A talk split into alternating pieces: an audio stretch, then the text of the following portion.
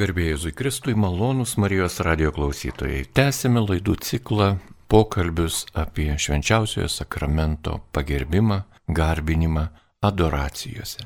Kadangi adoracijos vyksta visoje Lietuvoje įvairiose bažnyčiose, koplyčiose, specialiai tam skirtose koplytėlėse, tai adoracijos patirtis yra didžiulė. Ir į Marijos radiją atvyksta žmonės, maloniai sutikdami pasidalinti su jumis, gerbiami radio klausytojai, savo patirtimi, savo jausmais, savo religiniais išgyvenimais, kuriuos jie patiria adoracijos metu. Taigi šiandien laidoje dalyvauja poetė, žurnalistė Indrė Valantinaitė. Taigi dėkoju gerbiamai Indrei, kad ji sutiko ateiti ir radio klausytojams papasakoti savo tikėjimo išgyvenimus, gyvenimą tikėjime. Taigi sveikinuosi su gerbiama Indrė, garbė Jėzui Kristui.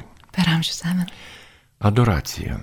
Kada pirmą kartą ją patyrėte, kas paragino, iš kur pas jūs atsirado ryšys su gyvuoju Jėzumi Kristumi švenčiausiame sakramente? Tai buvo iš tikrųjų gana šviežia patirtis, keleto metų senumo. Aš persikraušiau į Vilniaus centrą prieš šiek tiek daugiau negu tris metus, visiškai netoli gailestingumo šventovės. Ir būtent tai yra 24 valandas atviros durys ir išstatytas švenčiausiasis sakramentas, tai yra, na, didžiulė dovana. Bet tas kelias iki, iki šventovės, na, šiek tiek užtruko, Nes kai aš atsikraušiu ten, aš net nežinojau, kad, na, prie kokio lobio aš ten gyvenu taip arti. Tai po truputį, po truputį taip artėjau, užsukdavau vis, na, sukalbėdavau trumpą maldą ir eidavau toliau savo keliais. Tačiau nutiko toks dalykas, um, būtent mano gimtadienis buvo. Turėjau filmavimą, būtent dalyvauti tam tikros menininkės projekte, kuris ir vizualiai labai atrodė, kad na, tikrai ten turėtų būti ir, ir gražus, ir, ir mano eilėrašiai ten visai taip atrodo, kad na, turėtų, turėjo, turėjo būti tikti. Ir ten buvo toksai fonas, kaip koležas parengtas, padarytas, kuriam, na, buvo neįtin pagarbių dalykų. Būtent švenčiausiai mergelė Marija buvo tokiam kontekste pristatyta, na, švelniai tariant, netinkamam. Ir aš neišdrįsau kažkaip pasakyti, kad, na žinot, na negaliu. Ir atsiprašau ar kažką tokio. Ir, na, mes nusifilmavom tuose bandymuose. Aš ir skubėjau vakarėlį gimtadienio švesti, bet, na, širdį tai viskas taip tarsi apsivertė, toks nejaukumas, kažkas pradėjo darytis. Kažkas labai labai stipriai supratau, kad, na, padariau klaidą. Ir galvoju, viešpatė, čiagi na, ir gimtadienis, ir aš jau galvojau, kaip čia, kaip čia labiau dovanų laukia, ne, per, per gimtadienius. Ir kelias dienas iš tikrųjų, ne, net ir paprašius ištrinti tą video medžiagą ir, ir atsiprašius ir pasakius, kad na, aš nedalyvausiu tame projekte, na, aš nelabai supratau, kas vyksta, toks tarp dangaus ir žemės, tiksliau nebežinau, gal ir dangaus ten toli gražu ne, nebebuvo likę. Nežinojau, ką daryti visiškai. Tai va, to kokios, man atrodo, trečią dieną na, vėlai vakare aš tiesiog galvoju, na, reikia kovoti, kovoti, kaip kovoti. Ir tuomet aš pasilikau ilgesniam laikui gailestingumo šventovėje, beveik nebuvo žmonių, naktį iš tikrųjų ten, ten beveik tuščia ir yra labai labai, na, nuostabu taip koncentruotis. Ir po to pokalbio, po to, po to atsiprašymo, tą dieną viskas tiesiog iš tikrųjų aš prabudau visiškoje ramybėje ir nesu to pasakojus e, netgi draugams, e, tačiau toks išėjus pro duris kaip Disnėjaus princesiai kokiai. Ir drugelis nusileido ant rankos, ir, ir boružė nutupė, ir tu tiesiog supranti, kad, kad man buvo atleista, kad tas išgyjimas įvyko. Tai iš tikrųjų buvo labai, na, stiprus toks pasisveikinimas ir nuo to prasidėjo mano tas nuolatinis aplankimas, būtent išstatyto švenčiausiojo sakramento ir tas bendravimas toksai su juo. Tai jūs į adoracijos šventovę atėjote, na, tokia, na, galima sakyti, su išgyvenimais, su pergyvenimais, o gavote dovanų tam tikrą tokį gyvenimo išlaisvinimą ir džiaugsmą, taip? Aš manyčiau, kad tai ir buvo dovana, kad tas išbandymas buvo dovana. Iš tikrųjų, ne veltui jisai buvo per gimtadienį, nes kitaip aš ir būčiau toliau savo, na, gyvenus kaip gyvenus ir nebūčiau praturtinus savo, savo gyvenimo adoraciją. Gerai, ar galite pasidalinti su radio klausytoju, ką jūs veikiate adoracijoje? Mastote, melžiatės, skaitote, svajojate, stengiatės nieko nedaryti, negalvoti. Gal gėdate, niuniuojate kokią giesmę, gal klausotės, ką kiti gėda. Kokia jūsų adoracija? Labiausiai iš tikrųjų mėgstu tai panerti į tylą. Ir pasakoju, pasidalinu na, su viešpačiu viskuo, kas įvyksta per dieną. Ir jeigu kokie klausimai yra, kai nežinai, kaip elgtis, jeigu džiugus dalykai, tai dėkoji, jeigu skaudus kažkokie, tai, na, irgi dėkoji, bet tu išeini nupraustas. Toks vyksta bežodis gyjimas. Labiausiai mėgstu iš tikrųjų, kai, kai taip pat tamsoj, tyloj, ta koncentracija tokia, tiesiog žvelgti, tarsi į lygi begalybę žvelgtum. Ir, ir sakau, esi labai nuprausiamas su giesmėmis tai dažniausiai garbiname, kai vyksta rekolekcijos, arba jeigu žaini kažkokį atšlovinimą ir tuo metu vyksta, tai jeigu išgirsti savo mėgstamą giesmę, tai visą laiką prisijungi tada. Dar norėtųsi paklausti, ką jums reiškia Jėzus tame tokiame, na, medžiaginėme būvyje, nes mes suprantame, kad Jėzus Kristus yra vienas iš trijų švenčiausios trejybės asmenų, jisai yra Dievas, yra absoliutus grožis, gėris, didžiausia malonė, yra pasaulio kuriejas. Mums jis dar ir išganytojas, ir atpirkėjas, ir mokytojas, ir brolis. Ir kaip jums Jėzus ten toje medžiagoje, kuri yra duonelė, kaip jis jums atrodo, ką jūs išmastote apie tai, ką jūs esate galbūt pamokyta suprasti, pasidalinkite, prašom. Man atrodo, kad visa tai, ką mes regime, ką mes galime pačiupinėti, tai už visko yra, na, ta nematoma realybė, kuri yra daug stipresnė, galingesnė už tą regimąją išraišką. Tai toks gražus simbolis kaip duonelė, kaip, na, visiškam paprastume va, pas, pasirinktas toks. Tik viešpats gali tokius dalykus e, sugalvoti, kad didžiausiam kuklume paslėpta didžiausia gale. Tai mums labai didelė pamoka. O, o dovana yra, na, neišpasakyta, kai supranti iš tikrųjų, ką tu priemi, ir kad tai yra tokia, na, gale, didelė gale. Ar vaikystėje jums teko patirti Dievo gerumą, jo prisilietimą, kai buvote dar vaikas, mergaitė? Mano šeima nebuvo praktikuojantis katalikai, tačiau žiūrėdama į savo vaikystės nuotraukas, kūdikystės, pamačiau, kad virš mano lavelės kabėjo Davinčio Madonos reprodukcija su kūdikiu. Tai man buvo toks irgi, na, įdomus atradimas.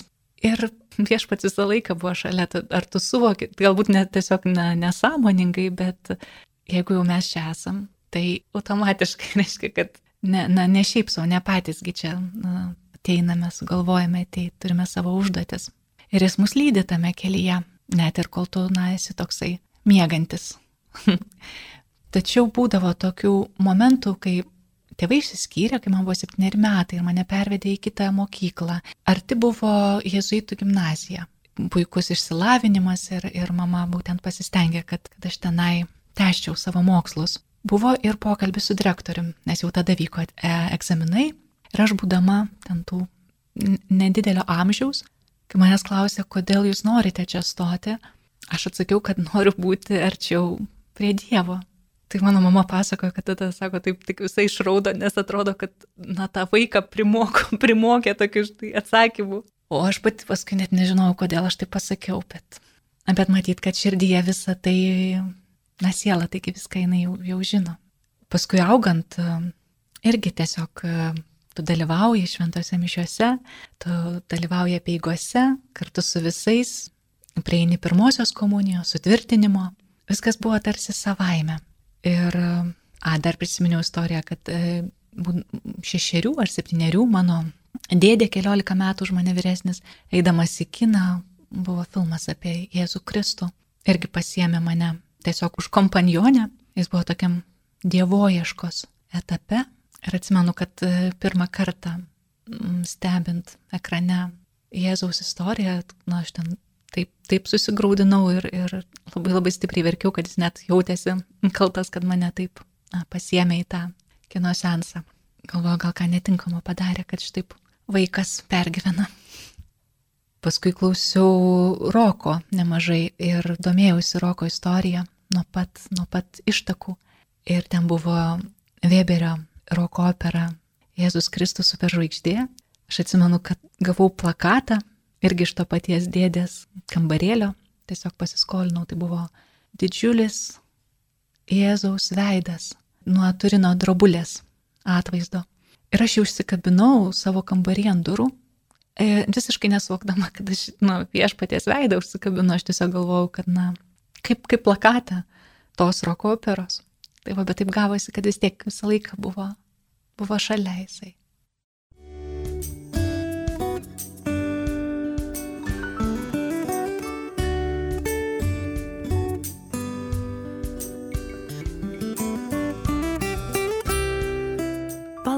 Palaiminto jums laiko su Marijos radiju.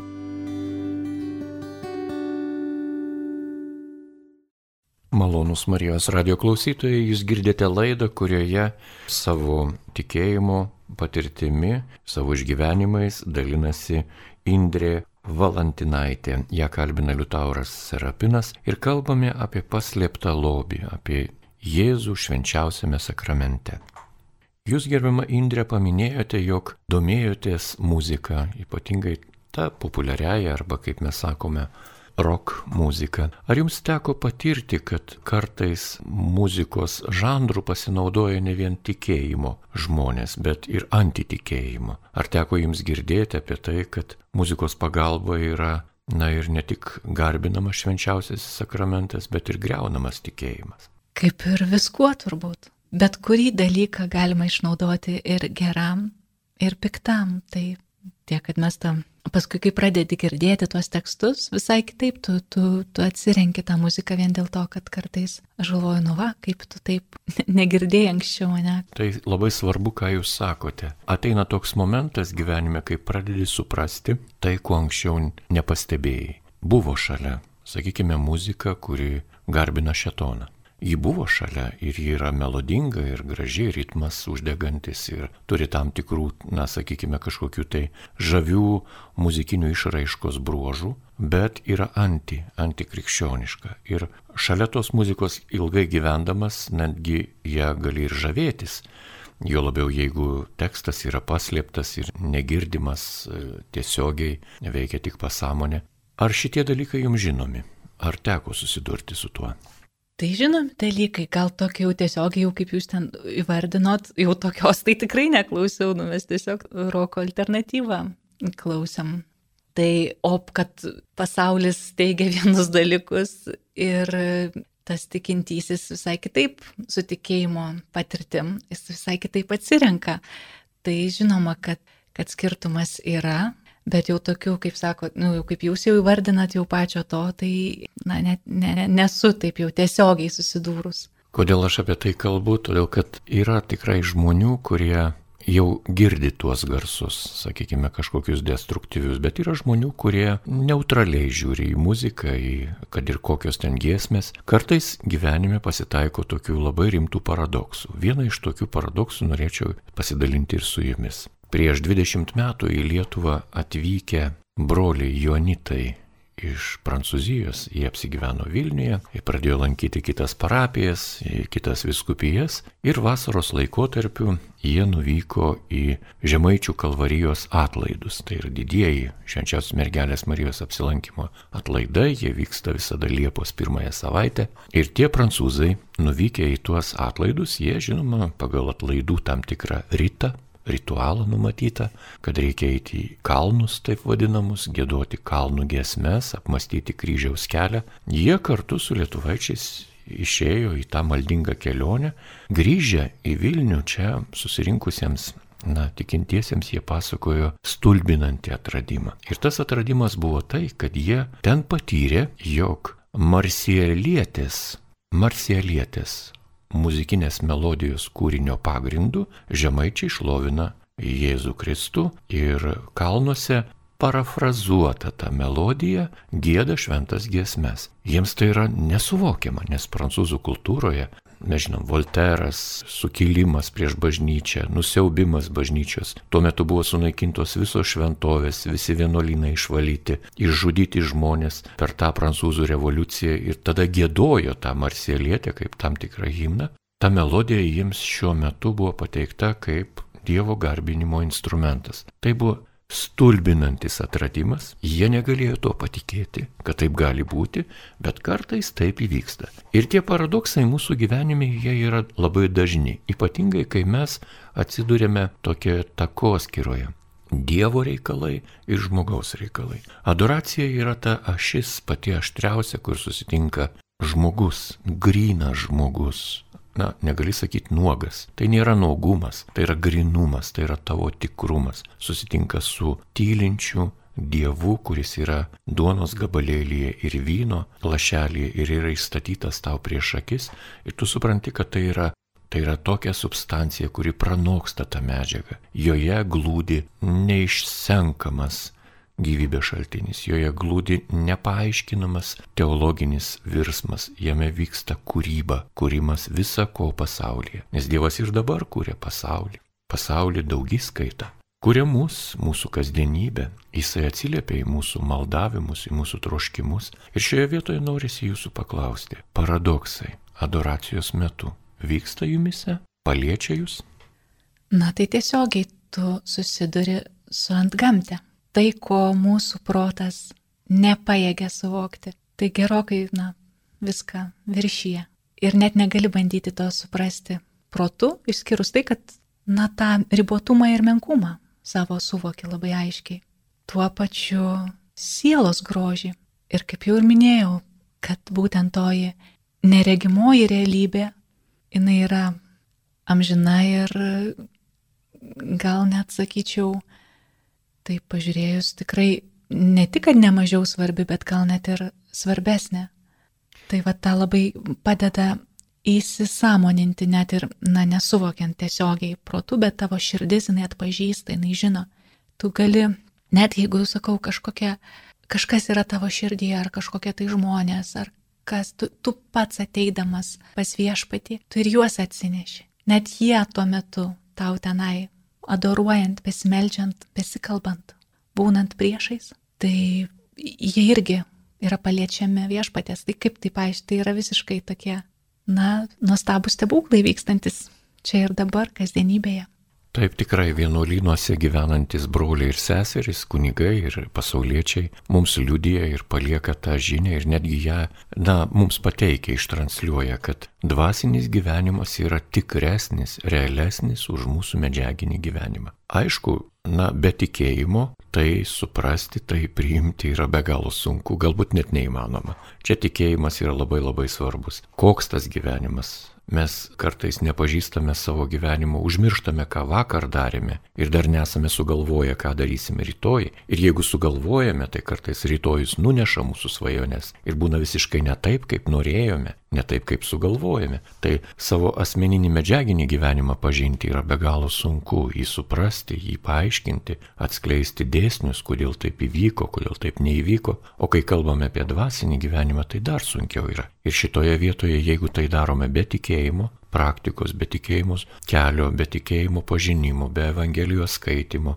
be bažnyčios pagalbos kaip mokytojos, kaip eklezijos, kuri mus vis pamoko, Tai žinoma, tai yra bergžės darbas, greičiausiai nusivylimas, greičiausiai atves į aklavietę, kur mes pasijusime ir save, na, sužeidę, ir save sunaikinę. Kaip jums, gerbima Indrė, bažnyčia padeda adoracijoje, kaip ji jums pasufleruoja, kaip ji jums kažką patarė, pamoko, kokios pamokos jums yra tokios, na, kurios adoracijoje labai labai paskiau pravarčiai, vertingai atsiverčia, kaip knyga atsiverčia. Gal reikėtų tada pradėti nuo tokios priešistorės, kad e, po baigimo jėzuitų gimnazijos, na tiesiog tas pasaulis ir jo reikalai ir visas tas gyvenimas tai labai intensyviai tave įtraukia, pasiema. Ir, ir aš buvau, buvau taip truputį tiesiog, na, nutolus. Labai aišku įdomu, kad net keliuose būstuose, kuriuose gyvendavau, vis pro langus matydavosi bažnyčios. Tačiau aš užeidavau visuomet prie, prie Marijos, nueidavau altorėlę, uždegdavau žvakelę, padėkodavau, paprašydavau, na, savo intencijom, aišku, kad vis tiek širdis buvo tokia, kad, na, jinai prašė to, ko, ko, ko norėjo protas. Ir tiesiog, vat, kaip, kaip sakant, tikrai kaip kaip pas kalėdų senelė, ne? Naini ir vaikas ir rašo savo laišką jam, kokius ten nori žaislų naujų gauti. Tai toks etapas tęsiasi gana ilgai, aš nebesilankydavau šventose mišiuose, buvo toks atotrukis. Ir paskui, na, ne veltui aš dabar gyvenu Šventos Kotrynos bažnyčios kieme. Ir mano vardas sutvirtinimo yra Kotryna. Tai man tas labai toks gražus sutapimas, jis man tarsi šitą etapą ir atskleidžia esmę kad man prireikė tų kelių metų sugrįžti, iš naujo viską suprasti. Visai kitaip negu aš kadaise vaikystėje mačiau, kas vyksta šventų mišių metu. Tai tiesiog vis, viską iš naujo teko patirti. O einant tuo keliu, tik priešais gyveno Dievo gailestingumo seserys. Tai palaipsniui susipažinom, susidraugavom ir kai būdavo kažkokių klausimų, nes tai buvo labai intensyvus kelias. Toks jausmas, kad per tuos e, tris metus, tris su trupučiu, kiek aš ten gyvenu, aš išmokau kažkokios e, naujos kalbos. Tarsi tikrai tu mokėsi kalbėtis su pasauliu tave supančiu. O visa kūrinyje, na tu tiesiog matei, matai kūrinyje Dievo pirštų anspaudus. Visame kame. Viskas taip, taip pasikeitė ir buvo nemažai išbandymų, kurių metu tikrai net ir norėdavosi pasitarti, pasišnekėti, Tai kaip tyčia, na ne kaip tyčia, nėragi atsitiktinumų. Ta pagalba buvo mano kieme netgi. Tai va taip, taip vyko tas mano sugrįžimas į bažnyčią. Ir labai padėjo ir Šventos Faustinos dienoraštis, kurį pradžioje įsigijau ir kažkaip man pasirodė, na, žinot, na keistoka, keistoka ir aš jį kažkaip buvau užvertus kuriam laikui. Beje, būtent per tas kelias dienas, kur pasakojau, kad, na, nesupratau, kas vyksta ir ką man dabar daryti, tokias išgaščio dienas, na po to, kai aš nubėgau į adoraciją, aš atsivertus e, Faustinos dienoraštį radau, radau atsakymų. Ir man irgi labai, labai brangi šventoji yra Faustina, aš labai jai esu dėkinga. Tai taip viskas po truputį, po žingsnelį vedė prie to, kad per gailestingumo šventę priemiau pagaliau švenčiausiai sakramentą po, po ilgos pertraukos. Tai va toks sugrįžimas, jau suvokiant, jau alkstant anksčiau manant, kad kaip ašgi nevert, nu kaip aš galiu, kad tu nesi vertas, neįsivaizduoji, nuo ko pradėti kalbėti, išpažinti sakyti, nes nu, tu nebuvai 20, keliolika metų ar tai 20. Ir, ir, ir manau, kad tai, tai yra stebuklai, nes tai yra malonė pats tu savom jėgom. Tiesiog manau, kad sunkiai užsinarplėtumo čia tiesiog, tiesiog turi pasiduoti tam vedimui. Jūs labai gražiai, Indrė, pasakojate tą gyvenimo patirtį, kuri yra tikėjimas. Tikrai tikėjimas negali būti vienodas visiems žmonėmis, nors mūsų tikėjimas yra visuotinis, mes sakome, esame katalikai, katolikos, esame visuotinos bažnyčios nariai, tai mus kažkas vienyje, tai mus sujungia ir tas pats išpažįstamas Dievas ir daug kas, bet mes labai skirtingi. Kažko panašus, bet ir labai skirtingi. Kiekvienas savaip emociškai išgyvename tikėjimo kelią, ne tik emociškai, kartais ir protu savotiškai suprantame, kartais mes nerandame savo į ką atsiremti. Pasitaiko taip, tikrai pasitaiko, kad ir į Marijos radiją ateina žmonės, kurie tikėjimą yra išmokę. Jie tiesiog labai daug skaitė, daug mokėsi ir jie moka tikėti. Jie daug žino, gali daug cituoti, daug kalbėti gali, gali daug maldų pasakyti net mintinai. Jie žino visus bažnyčios įsakymus, įstatymus, bet tai yra išmokta. Tam tikras laikas turi praeiti, kad tai, ką tu esi išmokęs, patyręs per raštą, per draugus, per pažįstamus, per mokytojus, per bažnyčios knygas, kad tai taptų tavo gyvenimu. Ar galima išmokti savo gyvenimą? Mintinai. Negalima. Paradoksalu. Negalima. Jeigu tu mokėtum savo rytojaus dieną mintinai, tai koks čia gyvenimas būtų? Taip ir su tikėjimu. Jeigu tu kalbi tik tai, ką išmokai, bet nekalbi tai, ko tu sieki, ko galvoji, apie ką svajoji, kokius klausimus užduodi, o tikėjimo kelyje dažniausia klausimai visada yra labai labai sunkus. Tikrai sunkus. Jie nėra banalūs ir jie nėra tokie tuštukai, kur leptelėjai, atsakė ir patenkinta savo kaip varlytė nuslėpsėjai per aplytą asfaltą. Ne, taip nėra. Noriu paskaityti laidos pabaigai vieną mintį iš Evangelijos pagal Joną. 14 skyrių. Tegu neišsigasta jūsų širdis. Tikėkite Dievą, tikėkite ir mane. Mano tėvo namuose daug buveinių. Jeigu taip nebūtų, argi būčiau pasakęs, einu jums vietos paruošti. Kai nuėjęs paruošiu, vėl sugrįšiu ir jūs pas save pasiimsiu, kad jūs būtumėte ten, kur ir aš. Kur aš einu, jūs žinote kelią. Čia citata iš Evangelijos pagal Joną 14 skyriaus nuo 1 iki 4 eilutės. Paguodžianti žodžiai, kad mes nebijotume susitikti su Jėzumi Kristumi švenčiausiame sakramente. Tai dar viena buveinė, jo buveinė, bet ta buveinė yra pažadėta mums. Ir kai kartais mes kalbame apie švenčiausiai sakramentą, apie tabernakulį, apie bažnytėlę, apie koplytėlę, tai apie ką mes kalbame? Žinoma, apie save. Nes ten mūsų vieta, ten mūsų tikrieji namai, kaip jūs vad gražiai vardinote Kotrynos bažnyčios kiemą. Tai mūsų tikrieji virtuvės, kaip čia pasakyti, kvapai, gyvybės, džiaugsmai, tai mūsų meilės guolis, tai mūsų mintys, tai mūsų svajonės, tai mūsų darbai ir darbeliai, tai mūsų džiaugsmas ir skausmas kartu. Taigi laidos pabaigai, gerbiama Indrė, Kaip jūs paragintumėte tuos jaunus žmonės nepabijoti pirmą kartą ateiti į adoraciją? Na, paprasčiausiai mes visi turim labai daug klausimų.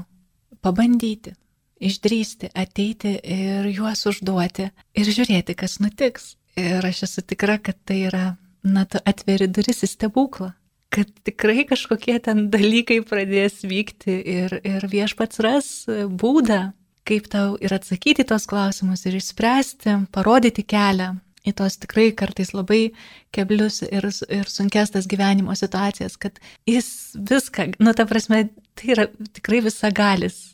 Ir tu visai kitaip tą suvokdamas kalbi, pavyzdžiui, tikėjimo išpažinimą. Jeigu tu sakai, tikiu į Dievą tėvą visagalį, tai, o jis yra meilė, tai, na tikrai gali, gali prašyti, gali kreiptis visais klausimais ir žiūrėk, kas nutiks.